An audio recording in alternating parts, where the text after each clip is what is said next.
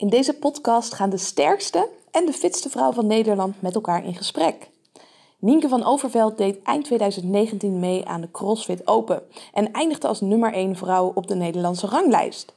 Waar ik in mijn podcast veel ex-topsporters heb geïnterviewd en we terugkijken op hun pieken en dalen, zit Nienke er nog middenin. Ze vertelt in deze podcast alles over haar trainingen en woont momenteel hiervoor ook in Engeland samen met haar vriend. Hij is de fitste man van Nederland, dus je kan je wel voorstellen dat ze een supergoed team vormen. En daarnaast volgt ze een plantaardig dieet. En hier schreef ze zelfs een boek over die in no time was uitverkocht. Ze deelt in deze podcast hoe ze hiermee begonnen is met plantaardig eten en wat voor effect het voor haar had op haar trainingen, maar ook op de vlakken daarbuiten. En niet alleen fysiek, maar ook mentaal is Nienke topfit. Zeker in de topsport is rust nog belangrijker dan het trainen zelf en deelt ze hier alle ins en outs over met je. Dus luister snel naar deze podcast. Ja, ik ben Nienke van Overveld, fitste vrouw van Nederland in 2020. Ik ben afgestudeerd aan de Universiteit Bewegingswetenschappen en Sportpsychologie. En ik ben naar het wereldkampioenschap geweest, de CrossFit Games, met een team. En ik had me ook individueel gekwalificeerd, alleen dat was het jaar van de corona. Dus dat werd helaas gecanceld. Ja, en je bent aan het crossfit. Hoe ben je daar ooit mee begonnen? Ik ben begonnen met crossfit in een gewone fitnessgym. Toen was het, dat was zo'n zes jaar geleden.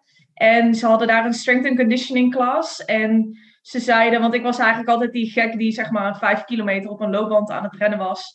En toen kwamen ze naar me toe van, oh, we hebben een, een les, dat is misschien wel iets voor jou, strength and conditioning. En toen uh, dacht ik, nou, dan, dan zal ik dat maar proberen. En uh, zodoende uh, was ik eigenlijk na dag één eigenlijk verkocht. Ik had gelijk spierpijn in mijn buikspieren en ik kon maar amper op de wc zitten omdat mijn benen zo verzuurd waren. Maar dat was wel het gevoel wat mij terugbracht. Ja, en toen? En toen um, heb ik op heel wat plekken eigenlijk gecrossfit. Ik heb, dat was in Maastricht. Vervolgens ben ik terug naar mijn ouders in Breda gegaan. Toen heb ik in Thailand gewoond, waar ik gecrossfit heb. En toen terug naar Amsterdam, want daar had, ging ik mijn master doen. En nu zit ik in Londen voor de sport. Dus de sport brengt me eigenlijk ja, op heel veel plekken. Ja, want dat is echt voor de sport dat je naar het buitenland gaat, bijvoorbeeld ook naar Thailand. Thailand was initieel voor vrijwilligerswerk met mentaal en lichamelijk gehandicapte kinderen.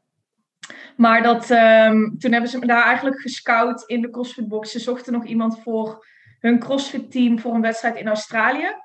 En toen vroegen ze of ik dus uh, langer wilde blijven, want mijn vrijwilligerswerk was eigenlijk maar drie maanden. Maar toen ben ik uiteindelijk acht maanden gebleven in Thailand, in Bangkok, om dus uh, te proberen naar Australië te gaan. En dat is ook gelukt. Wat gaaf. Ja. Ja.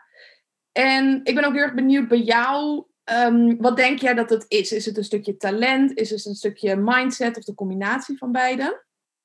Ik denk dat het een stukje is, zeg maar, gewoon qua karakter. Als ik kijk naar mijn ouders, dan zie ik dat mijn vader houdt gewoon heel erg veel van werken. Dus die wil echt gewoon altijd bezig zijn, heeft moeite om stil te zitten of te ontspannen.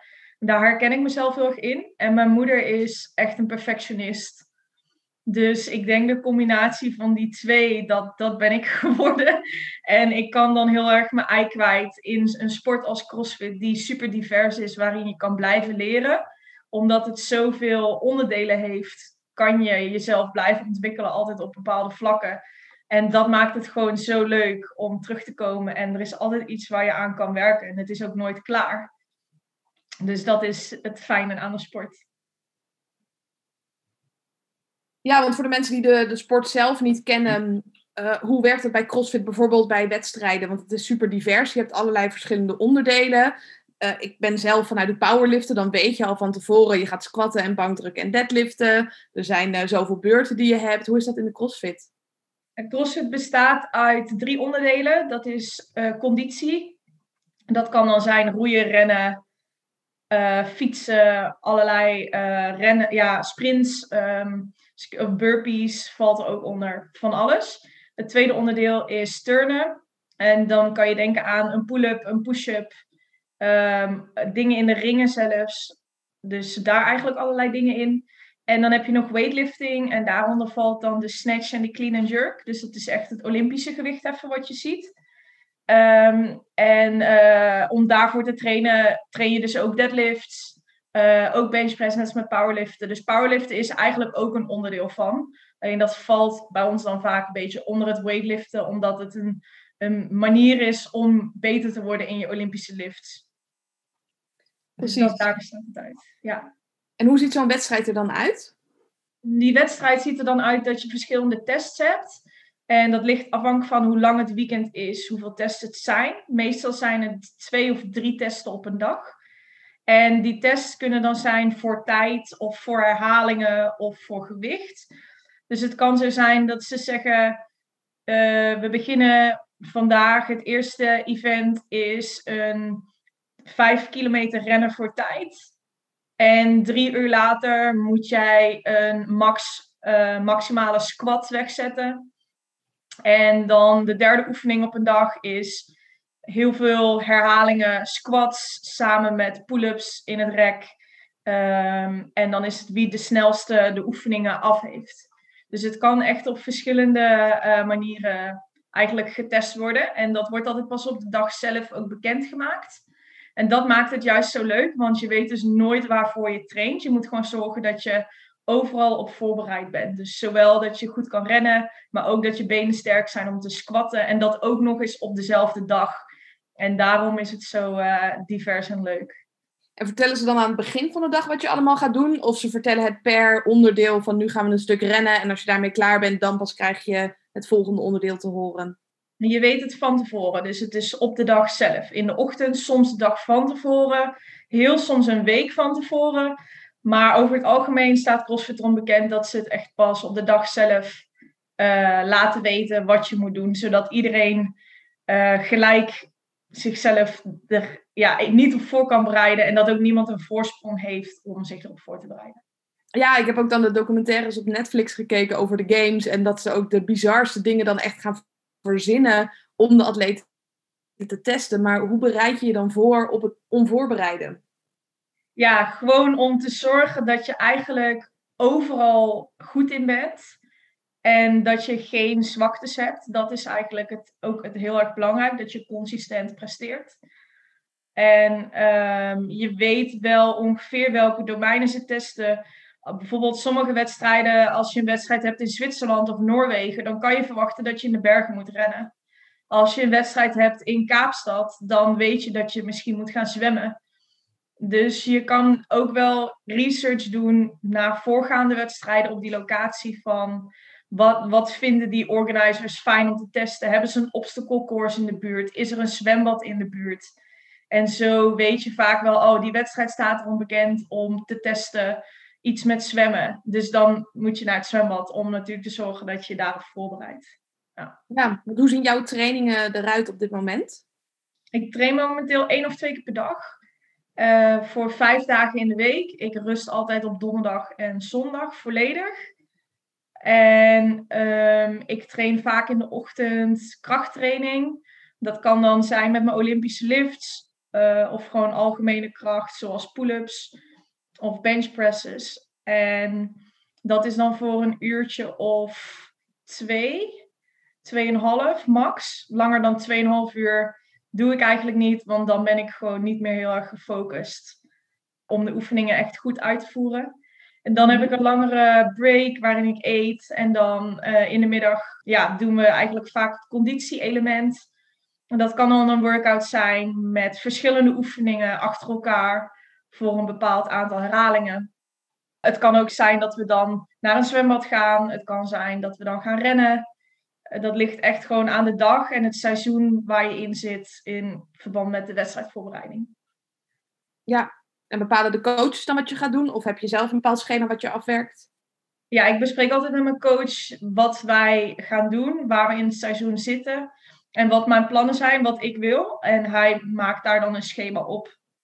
En daar kan, heb ik zelf altijd ook nog wel een beetje mijn zegje in van dat ik bijvoorbeeld wel wil zwemmen, ondanks dat het niet getest wordt, omdat ik het gewoon heel fijn vind om weer in het zwembad te zijn. Of omdat het heel lang geleden is. Nu zijn bijvoorbeeld de zwembaden echt mega lang dicht geweest. En ondanks dat ik waarschijnlijk niet hoef te zwemmen dit jaar, of misschien hopelijk op de Games in juli, wil ik wel gewoon heel graag snel weer terug naar het zwembad. Om gewoon weer eventjes ook weer wat anders te doen en de variatie erin te houden. Want dat maakt juist CrossFit zo leuk. Ja, ik zie het ook aan je dat je dat fantastisch vindt om te doen. ja. Wat vind jij de leukste onderdelen? Ik, hou, ik ben zelf, ik heb vroeger geturnd. Oh, ik ook. Ik vind de turnonderdelen echt heel erg leuk. Ja. Uh, dus dan kan je denken aan toasterbar, zo heet dat. Uh, pull-ups, bar muscle-ups en ring muscle-ups. Handstand push-ups. Ja.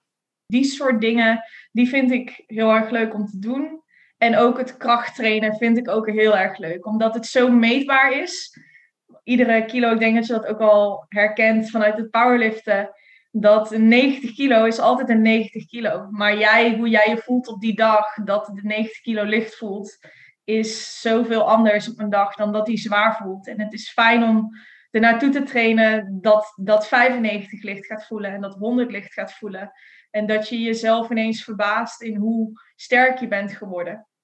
Ja, precies. En ook met mindset wat je daarmee kan. Dat als je denkt het is zwaar, dan wordt het ook zwaar. En een affirmatie die ik altijd deed, of nog steeds doe, is dat ik zeg: Oh, easy weight, het is makkelijk, het is niks. En dan voelt het ook echt meer als licht gewicht. Het voelt niet helemaal als niks, maar het gaat wel wat makkelijker dan dat ik mezelf vertel dat het pittig is.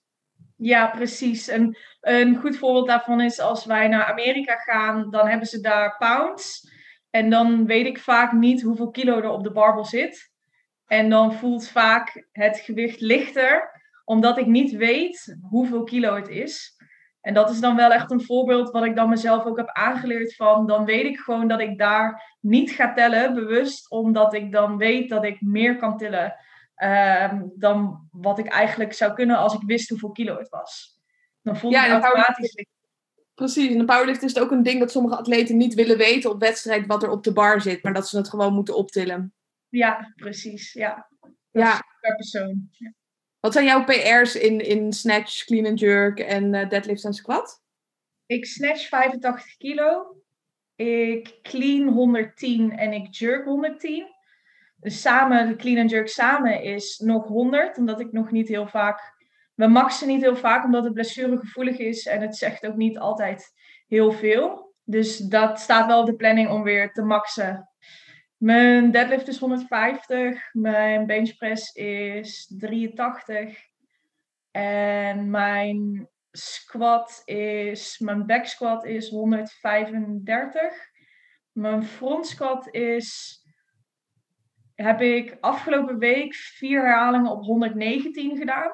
Wow. Dus dan zou een, een enerem front squat ergens in de 120, zeg 124 moeten liggen. Ja, dus die ligt, dat is denk ik wel mijn sterkste lift, de frontschat. Ja, impressive. En ik las ook in een interview van ja, en ik heb zelf toevallig van de week met een interview in de Vrouw gestaan. En dat ging inderdaad ook over vrouwen die spierballen hebben. Wat mensen daarvan vinden, of je nou te dik bent, of te dun of te gespierd. Mensen hebben daar een mening over. Merk jij dat ook? Ja, in het begin wel heel erg. Ik merk dat de tijden wel veranderen. Of ik verander, dat, dat weet ik niet. Maar toen ik begon met, met CrossFit, was het best wel dat ik in mijn omgeving hoorde: Oh, je wordt echt wel uh, breed nu. Zowel van vrienden als van mijn toenmalige vriendje. En dat was wel heel confronterend. En uh, omdat het. Ik werd gelukkig van wat ik deed. Alleen mijn omgeving had daar een duidelijke mening over. En dat maakte het wel lastig om dan de keuze te maken van... Oké, maar ik kies voor mezelf, want het maakt mij gelukkig. En over tijd leer je wel, gelukkig heb ik wel doorgezet, maar dan leer je wel van, het, uiteindelijk gaat het om jezelf en niet om iemand anders. En als ik dit leuk vind om te doen, dan, dan heb ik al het recht om dat te doen, ondanks dat andere mensen het misschien minder leuk vinden dat ik het doe, omdat ze vinden dat mijn lichaam verandert en in hun opzicht uh, in op een negatieve manier. En nu ik het zes jaar doe, merk ik ook dat er dat juist het gespierd zijn ook echt wel, vind ik, als ik het bij andere mensen zie, staat voor discipline. Dus het is voor mij veel meer dan alleen maar naar iemand kijken en zeggen: Oh, wow, die is wel groot of breed of uh, in wat voor kader je het wil plakken. Maar het gaat er ook gewoon om dat je, als je naar iemand kijkt en je ziet iets wat een persoon doet, wat iemand anders misschien niet zo makkelijk doet. Dat vind ik dat het reflecteert inderdaad, ook zei, discipline of uh, doorzettingsvermogen. En ja, ook een stukje uniek misschien. Ja, dat is gewoon wel wat ik gewoon fijn vind. Dat ik denk, ja, maar het past wel gewoon bij me, want het is gewoon wie ik ben. En ja, dat is gewoon hoe het is. Ja, absoluut. Je kan het niet kopen, hè. Borsten kan je bij wijze van nee, kopen. Maar spierballen, daar zal je echt voor moeten werken. Ja, ja, precies. En je zei van misschien ben ik veranderd, misschien is de tijd veranderd. Is ook jouw omgeving veranderd sindsdien? Ja, mijn omgeving is ook veranderd. En ik merk ook wel sinds dat ik de titel had gewonnen Fitste Vrouw van Nederland 2020, dat de omgeving, mijn oudere omgeving uh, er ook weer anders tegenaan kijkt. En dat vond ik toen wel ook wel confronterend, dat de mensen die in het begin heel erg zeiden van, oh, ik vind het niet mooi, dat op het moment dat je een titel behaalt en er iets aan kan plakken en gaat reizen over de wereld om, om, ja, omdat je goed bent in je sport en je dat mag doen, dan ineens wordt het heel tof. Terwijl voor mij is er niks veranderd, want ik train, ik doe precies hetzelfde als wat ik toen deed. Dus het trainen en mijn lichaam, dat, dat is gewoon altijd zeg maar hetzelfde gebleven. Alleen omdat het een prestatie wordt, vinden mensen het ineens heel extra tof. En ja, dat is wel soms even wennen dat je denkt van, oh oké, nu is het ineens wel heel erg leuk. dus ja, ja precies. dus denk ik gewoon hoe het is. En uh, ze bedoelen het altijd allemaal goed, dus dat moet je het ook zomaar zien. En uh, ja, het is altijd perceptie als mensen het hebben over een mening. Dus het is ook weer hoe ik het interpreteer wat zij zeggen. En ja, het komt van twee kanten. Ja, en wat ik ook wel mooi vind van jouw verhaal is dat je los van de mening van anderen en los van het resultaat, of je nou wel of niet al die titel hebt behaald, dat jij gewoon het werk erin steekt. En dat dat meer het resultaat is van je harde werk dan een, zoals het overkomt, het doel op zich. Ja, zeker. Ja. Ja, want je zei mijn omgeving is veranderd. Je vertelt net ook, hè, mijn toenmalige vriendje, die uh, vond het best wel lastig dat ik uh, die sport deed. En ik zag dat je vriend, je huidige vriend ook fanatiek crossfitter is. Ja, klopt. Ja. Ja, Hoe dus dat is dat uh, om, om, twee topsporters samen te hebben? Ja, je begrijpt elkaar heel erg goed. En dat is natuurlijk heel erg fijn. Dus we hoeven elkaar niet uit te leggen dat we gezond willen eten. Um, dat we op tijd naar bed willen. Dat we geen alcohol drinken als we naar een feestje gaan. Dat we proberen op tijd naar huis te gaan om goed te kunnen slapen. Het zijn dat soort dingen dat we niet aan elkaar uit hoeven te leggen wat je levensstijl is. En dat is gewoon heel erg fijn. Ja, precies. En je vertelde ook, ik, ik ben sportpsycholoog. Um, je, je traint natuurlijk twee keer per dag. Uh, maar ik weet ook dat niet alleen het trainen natuurlijk heel belangrijk is, maar vooral het rust nemen daarnaast. Hoe ziet dat er voor jou uit, die fysieke en mentale rust nemen? Ja, ik heb dus bewegingswetenschappen gedaan met de richting sportpsychologie. Dus ik heb niet de opleiding zelf afgerond echt voor sportpsycholoog. Nog niet, wil ik wel heel graag, maar ik wil eerst dit, mijn sportcarrière, kijken hoe ver we het kunnen halen voordat ik verder ga met studeren.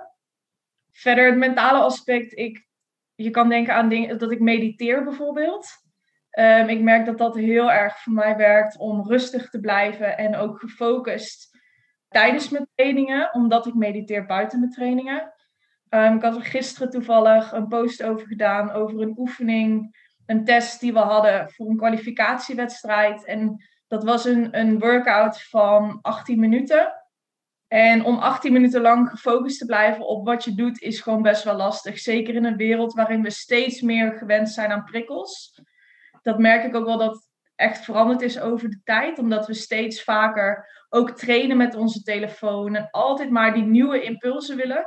Dus om dan 18 minuten lang te focussen alleen op jezelf en de oefening dat vergt gewoon toch best wel steeds meer oefening. En door te mediteren is dat, maakt het dat voor mij makkelijker om, om gefocust te blijven. En verder kan je denken aan dingen als visualisatie. Dat zodra ik weet wat de oefening is die we moeten doen, dan ga ik helemaal stap voor stap doornemen waar ik begin. Hoeveel stappen het is om bij mijn dumbbell te komen. Uh, hoe ik vervolgens de oefening doe, hoe lang dat duurt, hoe het voelt. Dus echt ieder detail van wat je voelt en doet, dat neem ik eigenlijk door. En op het moment dat ik dan echt fysiek aan de oefening begin, dan heb ik het eigenlijk al een keer gedaan en dan weet ik wat er komen gaat. En vaak helpt het dan ook om, als ik weet dat het een hele moeilijke, zware oefening wordt, waarin ik heel erg buiten adem ben. Want dat is echt het oncomfortabele, het buiten adem zijn en uh, die staat zeg maar bereiken. Als ik me daarop voorbereid en weet dat dat gaat komen, dan valt het altijd mee. Omdat ik al gevisualiseerd heb dat het zo heftig gaat zijn. Dan valt het in de praktijk altijd mee, omdat ik al dacht um, dat het heftiger zou zijn dan het uiteindelijk was. Dus dat soort dingen helpen wel heel erg om, ja, om mentaal voor te bereiden op zulke momenten. Ja, dus dan visualiseer je met name met conditie dat het juist zwaarder is dan dat het eigenlijk wordt. Ja. ja. En hoe ziet jouw mentale trainingsschema eruit? Doe je dat mediteren en uh, visualiseren dagelijks of wekelijks? Uh, ik doe het visualiseren vaak alleen voor wedstrijden. Ik oefen het natuurlijk wel eens in training, want als je het niet oefent, dan kan je dat natuurlijk niet zomaar 1, 2, 3 toepassen. Daarom werkt het ook wel dat ik inmiddels al zes jaar wedstrijden draai. Dus dan heb je steeds meer kleine informatie, dingen die voor jou werken. Moet je je ogen sluiten? Wil je zitten? Wil je staan? Uh, hoe lang duurt het? Hoe lang van tevoren moet je dit doen? Um, dat soort dingen leer je gewoon over tijd. En ik denk dat is voor iedereen anders. Dus dat is echt oefenen. Ja. Een meditatie? Meditatie doe ik in fases eigenlijk. Het ligt echt een beetje aan de periode waarin ik in zit, omdat ook dat kost best wel veel discipline. En heel veel dingen die ik dagelijks doe, kosten gewoon heel veel discipline. Zoals uh, op tijd naar bed, wat ik al zei, gezond eten, helemaal goed voor jezelf zorgen.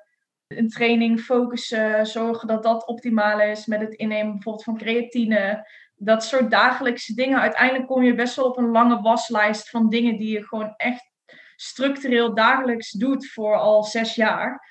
En dan als je daar steeds dingen bij blijft voegen, dan wordt het soms wel eens moeilijk om te zorgen dat je dat ook echt allemaal doet. Want ja, je bent, blijft een mens en ook ik ben niet perfect. Ik ben ook geen robot die dat maar in kan voeren en kan doen. Dus ik merk dat ik bijvoorbeeld dat als ik dingen toe ga voegen zoals meditatie, dan kan ik dat echt in fases doen. Dat ik het een langere periode doe, zeg voor een week of drie. En dan heb ik vaak weer eventjes dat ik het niet doe. Maar ik weet wel wat ik er wel aan heb om het te doen. Dus op het moment dat ik een piekmoment heb, dan voeg ik het weer in. En dan heb ik er ook echt iets aan, omdat ik al wel geoefend heb. Niet dagelijks, want dan is het soms iets te veel. Maar wel voor de wedstrijd, als het dan komt, dan heb ik er wel iets aan om goed te kunnen ontspannen en gefocust te kunnen blijven. Ja, en ik ben ook heel erg benieuwd. Er zijn natuurlijk allerlei tools om te mediteren, zoals apps, mensen die je dan erbij helpen of muziek. Ik doe het zelf helemaal in stilte, omdat ik de overtuiging heb dat dat de meeste overlap heeft met het dagelijkse leven of met de sport. Hoe doe jij dat zelf? Ik gebruik momenteel een app. Ik heb zowel Headspace als Calm gebruikt. Ja. Twee apps die allebei heel erg uh, fijn werken. En ik vind het vooral gewoon fijn om ook wel iemand te horen. En uh, vaak geven ze nog wel wat extra tips. En dat vind ik wel heel erg fijn, omdat ze eventjes tegen je zeggen van... Het maakt niet uit als je gedachten afgedwaald zijn. Dat hoort erbij. Dan breng je gewoon weer de focus terug naar jezelf. En door te horen dat het niet perfect hoeft te zijn, helpt het mij heel erg om ja, een fijne meditatie ook te hebben. Terwijl als ik het probeer zonder, wat soms ik ook wel doe, en ook wel gewoon in dagelijks leven steeds meer merk ik, dat als ik een momentje heb van, ik zit in een trein of iets en ik denk van, oh, ik kan het eigenlijk wel even gebruiken nu om even in mezelf uh, te zijn, dat ik het dan wel kan. Maar om dat altijd te doen voor mij uh, werkt nu nog niet zo optimaal. Maar kan het wel. Ja. En je zei ook van, ik, ik ben geen robot, het kost allemaal heel erg veel tijd. Ik las ergens dat je gemiddeld drie uur per dag traint. Ja, dus totaal twee sessies. Dan kom je, ligt eraan hoe lang die eerste en tweede sessie zijn. De eerste is dus meestal 2,5 uur max. En de tweede sessie, dat kan een uur zijn, maar dat kan ook twee uur zijn. Dat ligt ook echt aan het seizoen waar ik in zit. Ja, en verder zei je, ik slaap 9 uur per dag. Waar gaat verder je tijd dan dagelijks in zitten? Ja, dus zorgen dat ik mijn eten goed op orde heb. En ja, daar hoort natuurlijk het boodschappen doen bij. Het voorbereiden van het eten. Dat soort dingen. Verder uh, vooral veel ontspannen. Want mensen vergeten vaak dat je mentaal, om mentaal te ontspannen, moet je ook tijd hebben waarin je even gaat zitten en niks doen. Dus het is niet zo van ik train drie uur op een dag. Wat doe je dan met de overige 21 uur?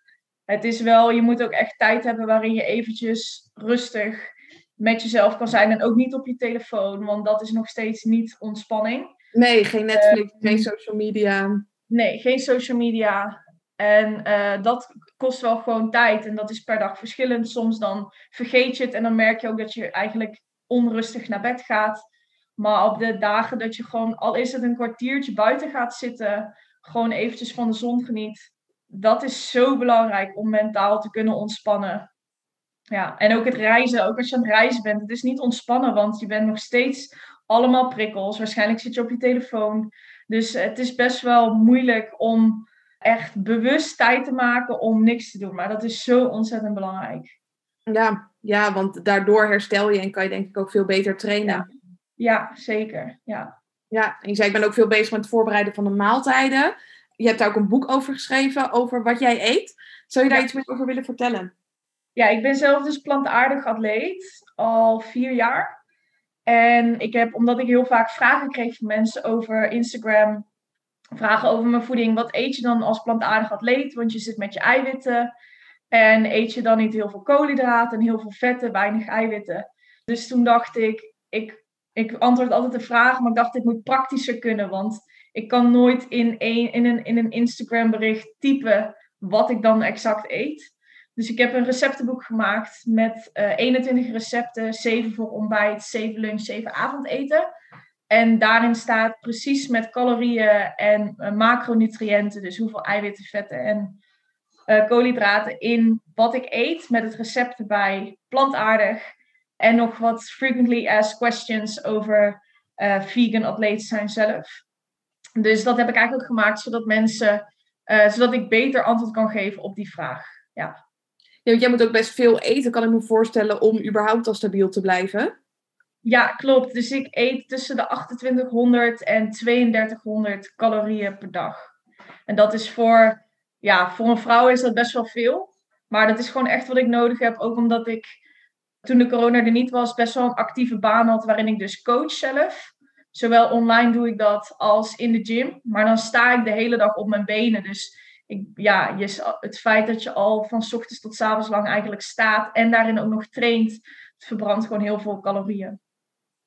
En ik weet wel, ik, ik kan zelf ook dus heel veel eten. Ik eet ook rond de 3000 per dag. En dan mensen zeggen, oh, ik zou ook willen dat ik zoveel kon eten.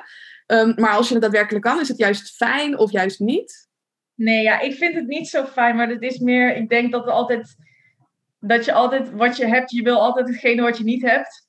Dus op het moment dat je veel kan eten, dan zou je willen dat je jezelf niet zo vol hoeft te proppen. En op het moment dat je weinig kan eten, mag of moet eten, of hoe je dat ook wil zien, ja, dan heb je iets van, oh, ik wou dat ik wel meer kon eten. Dus ik denk dat dat gewoon een beetje is hoe wij als mensen zijn. Je wil altijd hetgene wat je niet hebt. Ja, precies. Je ziet dan de nadelen. Ik heb dan dat ja. eten van, oh, ik moet altijd eten bij me hebben, want als ik een uur uh, honger moet lijden, dat, dat, dat voel ik heftiger dan mensen die minder nodig hebben. Ja, maar een goede voorbereiding voor die calorieën, dat is als je zorgt dat je altijd je, je snacks mee hebt, die zorgen dat je wel aan je dagelijkse calorieëndoel komt. Dan is het echt gewoon wel goed te doen. Alleen je moet het wel voorbereiden en dat kost dus wel tijd en om dat te plannen. En dat je niet iedere dag hetzelfde eet, want ik wil ook wel gevarieerd eten, zeker voor de vitamines en mineralen. Ehm, dus ik zou ook niet een eentonig dieet uh, willen hebben. Nee. nee, en ik denk dat jij ook niet snel langs een random benzinepomp zou gaan en daar eventjes wat haalt. Nee, nee. Inmiddels weet je wel welke, welke repen je kan kopen en waar, welke supermarkt een, een kant-en-klare maaltijd heeft die je dan snel eventjes uh, kan halen. Of welk restaurant een afhaal uh, burrito heeft. Of een, uh, ja, een wok of iets. Dus inmiddels weet je wel waar je wel je, je plantaardige eten kan halen. Maar dat kost echt heel veel tijd om uit te zoeken. En vandaar dat ik dat boek dus ook heb geschreven. Om andere mensen net even wat makkelijker te kunnen helpen. Want ja, het kostte mij heel veel tijd om uit te zoeken. Maar als we de informatie delen, dan scheelt het andere mensen weer dat ze die tijd niet kwijt hoeven te zijn. Ja, dan hoeven ze zelf het wiel niet uit te vinden. En je zei, ik eet dus plantaardig. Vier jaar geleden ben ik daarmee begonnen. Wat was voor jou de reden om dat te gaan testen? Um, ik had heel erg last van vermoeidheidsklachten. Dat begon eigenlijk in Thailand. waar ik voornamelijk heel veel vlees en rijst at. Geen, geen groentes. En ik merkte dat mijn lichaam, omdat ik dacht van dat zijn de eiwitten en ik heb alleen maar eiwitten nodig, want daar draait het altijd om, zeggen mensen in de krachtsport. Maar ik merkte dat ik heel erg last had van vermoeidheidsklachten. Ik sliep niet goed. Ik herstelde ook niet goed. Ik kon niet goed trainen, want ik ging al moe de gym in. En toen kwam ik terug in Nederland en toen ben ik eigenlijk aan mijn vrienden gaan vragen van... Herkennen jullie dit? Want dit is gewoon niet fijn. Ik val in slaap in de bioscoop. Ik moet bij de universiteit val ik in slaap in college. Ik moet naar huis als ik al maar een uurtje pauze heb om even te kunnen slapen. Dus het was al best wel in het extreme. En toen heeft iemand tegen mij gezegd van wat eet je dan? Toen zei ik, nou ja, ik eet heel veel kip en rijst en, en broccoli dan een beetje. En die zei van, ja, dat zijn heel veel dierlijke eiwitten, ook met de kwark erbij natuurlijk en de melk. Wat ze eigenlijk adviseren. Uh, zeker vier jaar geleden was dat de heilige graal. Zeker. En ja, toen zei iemand van, ja, die dierlijke eiwitten kosten heel veel energie om te verteren. En daardoor, omdat ze best wel complex zijn, daardoor kan het zijn dat je moe wordt. Dus toen dacht ik, nou, zeker proberen waard, want dit is ook gewoon niet hoe ik het fijn vind om te leven. En toen ben ik vegetarisch gaan eten en na vier weken ja, voelde ik me echt als een nieuw persoon, omdat ik zoveel meer energie had. En zelfs na mijn training was ik nog niet zo moe uh, als dat ik normaal voor de training was. Dus dat, ja, dat beviel me heel erg. En toen ben ik me verder gaan verdiepen in, nou, hoe kom ik dan aan mijn eiwit op vegetarisch niveau? En uh, ik denk na zes maanden kwam ik Jeremy tegen, mijn huidige vriend. En die was veganistisch toevallig. En ja, die vertelde me over het dierenleed. En op het moment dat je gaat verdiepen in, in de industrie, dan ja, voelde ik me er niet meer prettig bij om uh, ook nog melk te consumeren en eieren. En toen ben ik aan het uitzoeken van, nou, kan het dan plantaardig? Want ook toen was er nog niet zoveel over bekend. Maar ja, dan uh, ja, je leest je in en uh, je doet je best. En dat kost dus inderdaad wat tijd, wat ik zei. En dan, als je het eenmaal door hebt, dan is je dieet voor mij nu precies hetzelfde als wat ik vier jaar geleden deed. Alleen het zijn gewoon andere producten. En het zijn gewoon. Maar als je het eenmaal weet, dan weet je het. En dan is het gewoon ja, makkelijk. En ik denk zeker ook in deze tijd zijn er veel meer mogelijkheden dan toen jij ermee begon. Ja, zeker. Ja, ja. Dat is echt wel een, uh, een groot verschil. Ja. Ja, want als mensen hier naar luisteren die denken, oh, ik merk inderdaad ook dat ik die energiedipjes heb en ik zou dat ook wel eens willen proberen, maar misschien is het een grote stap. Wat zou je aanraden om mee te beginnen? Ik zou gewoon proberen om één maaltijd per dag uh, vegetarisch of veganistisch te maken. Dat is natuurlijk helemaal aan iemand zelf in hoeverre je dat, dat wil doen. Uh, maar ik zou gewoon beginnen met één maaltijd per dag. Want dan kan je, als je bijvoorbeeld je ontbijt altijd daarmee begint, dan heb je dat als gewoonte, kan je dat aanleren. Of je lunch of je avondeten, maar net wat je, wat je zelf het fijnste vindt en wat het beste past. Maar ik denk dat als je in kleine stapjes begint, en het hoeft natuurlijk ook niet altijd helemaal 100%. Mensen zien het vaak ook van, oh, ik moet of 100% vegan zijn of helemaal niet. Maar zo werkt het natuurlijk ook niet. En het feit dat dat voor mij wel fijn voelt, wil niet zeggen dat dat voor iemand anders ook hetgene is wat iemand gelukkig of fijn maakt. Dus ja, ik denk dat iedereen ook zelf uh, zich niet in een hokje moet plaatsen, maar gewoon moet doen wat, wat bij jou past. En je hoeft je nooit aan anderen te verantwoorden waarom je vandaag wel misschien een keer dan je vis at. Want dat merk je dan vaak ook wel, dat mensen zich willen verantwoorden. Van, oh, maar ik heb vandaag gezondigd. Maar dat hoeft ook helemaal niet. Ik bedoel, je mag je leven leven zoals jij wil en je hoeft je nooit aan iemand te verantwoorden. Ja, dus je hoeft geen stempeltje op jezelf te plaatsen van ik ben een veganist of ik ben vegetariër alle beetjes die helpen daar al bij. Ja, precies, zeker. En als mensen dit luisteren en denken, nou, ik, ik wil precies weten wat Nienke eet, waar kunnen ze jouw boek kopen? Ja, op mijn website www.nienkevanoverveld.nl. Daar kan je het boek kopen, want dat is de webshop. En er staat ook een uh, link in mijn Instagram bio en dat is ook gewoon Nienke van Overveld. Uh, dus dan kom je ook op die website. Top nou, bestellen dus. En ik denk, uh, we zullen zo even aan het einde nog bespreken of we een leuke weggeefactie natuurlijk kunnen doen. En voor de toekomst, je zei inderdaad van, er komt in juli een wedstrijd aan. Welke doelen heb je voor die wedstrijd? Het doel voor nu is om te kwalificeren voor de CrossFit Games. En over anderhalve week hebben we weer een belangrijke wedstrijd om dus door te gaan naar de volgende eh, stage eigenlijk.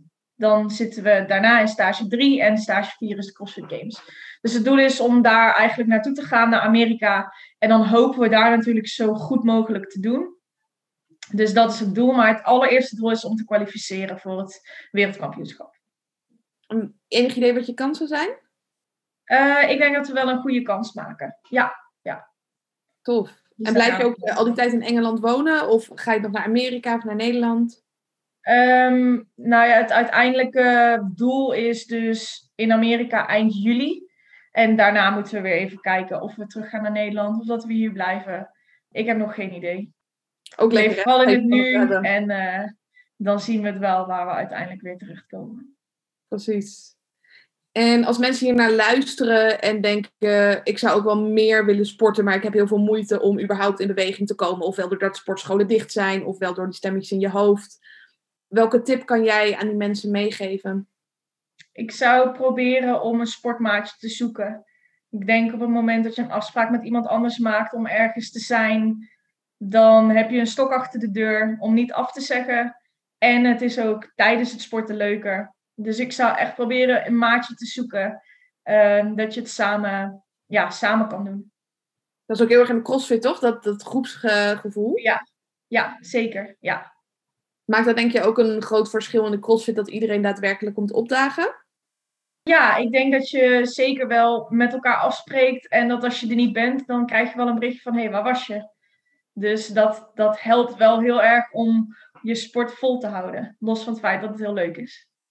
Ja, precies. Want als je lid bent bij, nou, laten we zeggen, een gewone sportschool, dan maakt het niemand uit of jij wel of niet incheckt. Nee, precies. En dat is bij CrossFit gewoon echt heel erg anders. Ja, wat maakt CrossFit nog meer zo anders dan andere sporten? Nee, je traint je volledige lichaam. Dus dat is sowieso super fijn. Zowel je benen als je armen. Dus dat maakt het gewoon, denk ik, voor je lichaam veel gezonder dan om eenzijdig te trainen. Dat is denk ik heel erg goed. En verder vind ik altijd zelf dat je echt het groepsgevoel krijgt, omdat de workout die je doet, ga je vaak, ben je best wel uh, vermoeid en ga je naar je, uit je comfortzone. Natuurlijk niet altijd, ook niet iedereen. Maar je hebt wel de mogelijkheid om een beetje uit je comfortzone te stappen.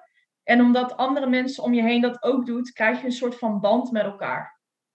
En daardoor ja, voelt het zeg maar speciaal. En dat je mm, ja, met naar elkaar toetrekt, ook buiten de sportschool vaak. Ja, je zegt naar buiten de sportschool. Je, je partner die uh, doet ook aan CrossFit. Zie je de mensen uit de box ook veel dan buiten de gym? Wat doen jullie dan samen? Ja, omdat ik zelf in de gym werk en train, ben ik daar vaak zo'n acht uur per dag. Dus dan is er niet heel veel tijd meer om buiten de sportschool ook nog die, dezelfde mensen te zien. Want vaak zie je ze dus al in de sportschool. Soms wel. Maar vaak ben je dan blij dat als je acht uur lang aan het socializen bent voor vijf dagen in de week, dan ben je ook blij dat je, wat ik zeg, dat je soms eventjes tijd voor jezelf hebt. Ja, even stilte. Ja. Ja, en je had het over die, uh, die comfortzone en daarbuiten gaan. In de sport doe je dat natuurlijk. Maar ik zag ook een filmpje van jou, superleuk, dat je burpees in de sneeuw aan het doen bent. Hoe kom jij nog meer uit de comfortzone los van in je trainingen? Um, dingen die ik zoal doe, is bijvoorbeeld als ik, wat toevallig die dag was, dat ik in een sauna ga zitten en dan na de sauna ga ik in de sneeuw liggen. Uh, gewoon om mezelf eigenlijk te dwingen om iets oncomfortabels te doen. Omdat ik dan weet dat het me ook weer in mijn training helpt op het moment dat het oncomfortabel wordt. Hoe vaker je dat doet, hoe makkelijker het ook wordt. En ik denk dat het met CrossFit dus aan de top zeg maar heel erg belangrijk is. Um, dus je kan het inderdaad doen met uh, koud en warm. Um, ik heb bijvoorbeeld met de kerst heb ik nog buiten in het water gelegen. Uh, eerst wel gemediteerd, omdat ik het dan wel fijn vind. Maar vervolgens zijn we wel het water ingegaan, um, wat natuurlijk ijskoud was. Uh, de Noordzee ben ik nog in geweest, uh, rond diezelfde tijd. Dus dat soort dingen om het oncomfortabel te maken, helpt heel erg in de sport. Ja, en dan voor jou is dat met name met die kou- en warmtetrainingen discomfort opzoeken. Ja, precies. Ja, dat is een voorbeeld. Ja, vet. En als we nog iets verder vooruit kijken, want je zei ik ga eerst verder met mijn sportcarrière. Uh, heb je al een idee wat je daarna zou willen doen? Nee, ik had ook nooit gedacht dat ik überhaupt naar een wereldkampioenschap van CrossFit zou gaan. Dus dat kon ik me al niet voorstellen. En kan me denk ik nu ook niet inbeelden wat ik over zes jaar dan voor baan heb. Ehm, ik hou het vaak gewoon lekker breed en ik laat me gewoon leiden in wat ik kan doen. Er zijn zoveel mogelijkheden die je kan doen. Ik heb nu mijn online, zelf mijn online coachingsbedrijf. Uh, dat vind ik heel erg leuk om andere mensen natuurlijk te helpen, fysiek, maar ook mentaal. Dus misschien ga ik dat nog uitbreiden. Uh, ik heb geen idee. Ik laat me verrassen. Je zei, ik heb een coachingsbedrijf. Ik help mensen fysiek en mentaal. Wat voor mensen zijn dat? Gewoon, maakt niet uit. Het kan echt iedereen zijn. Dat is, ja, dat kunnen mensen zijn die hele hoge atletische doelen hebben. Maar dat kunnen ook gewoon mensen zijn die, die gewoon drie keer in de week willen sporten. Uh, en daar moeite mee hebben. Um, dat maakt echt helemaal niet uit. Er kunnen ook mensen zijn die willen afvallen, die willen afvallen. Ja, dat is van alles. Dat maakt het lekker divers. Precies. En uh, ook uitdagend, denk ik, voor jou. Ja, zeker. Leuk. Zijn er nog dingen die ik niet heb gevraagd die je wel graag zou willen vertellen? Nee, ik denk het niet. Nog een laatste tip voor de luisteraar als het gaat bijvoorbeeld om meer mentale rust of fysieke rust? Um, ik het is heel belangrijk om jezelf, denk ik, voor op te zetten. Dat is, vind ik heel belangrijk, dat je jezelf uh, de moeite waard vindt om tijd in iets te steken. Ik denk dat we nogal makkelijk, uh, ja, vaak vergeten dat het oké is om tijd te maken voor jezelf en voor jezelf te zorgen. Dat is gewoon wel de basis van om iets te kunnen bouwen, om iets voor andere mensen te kunnen betekenen, zul je toch eerst goed voor jezelf moeten zorgen. En dat is zowel fysiek als mentaal, uh, op mentale vlakken. Ja, dat.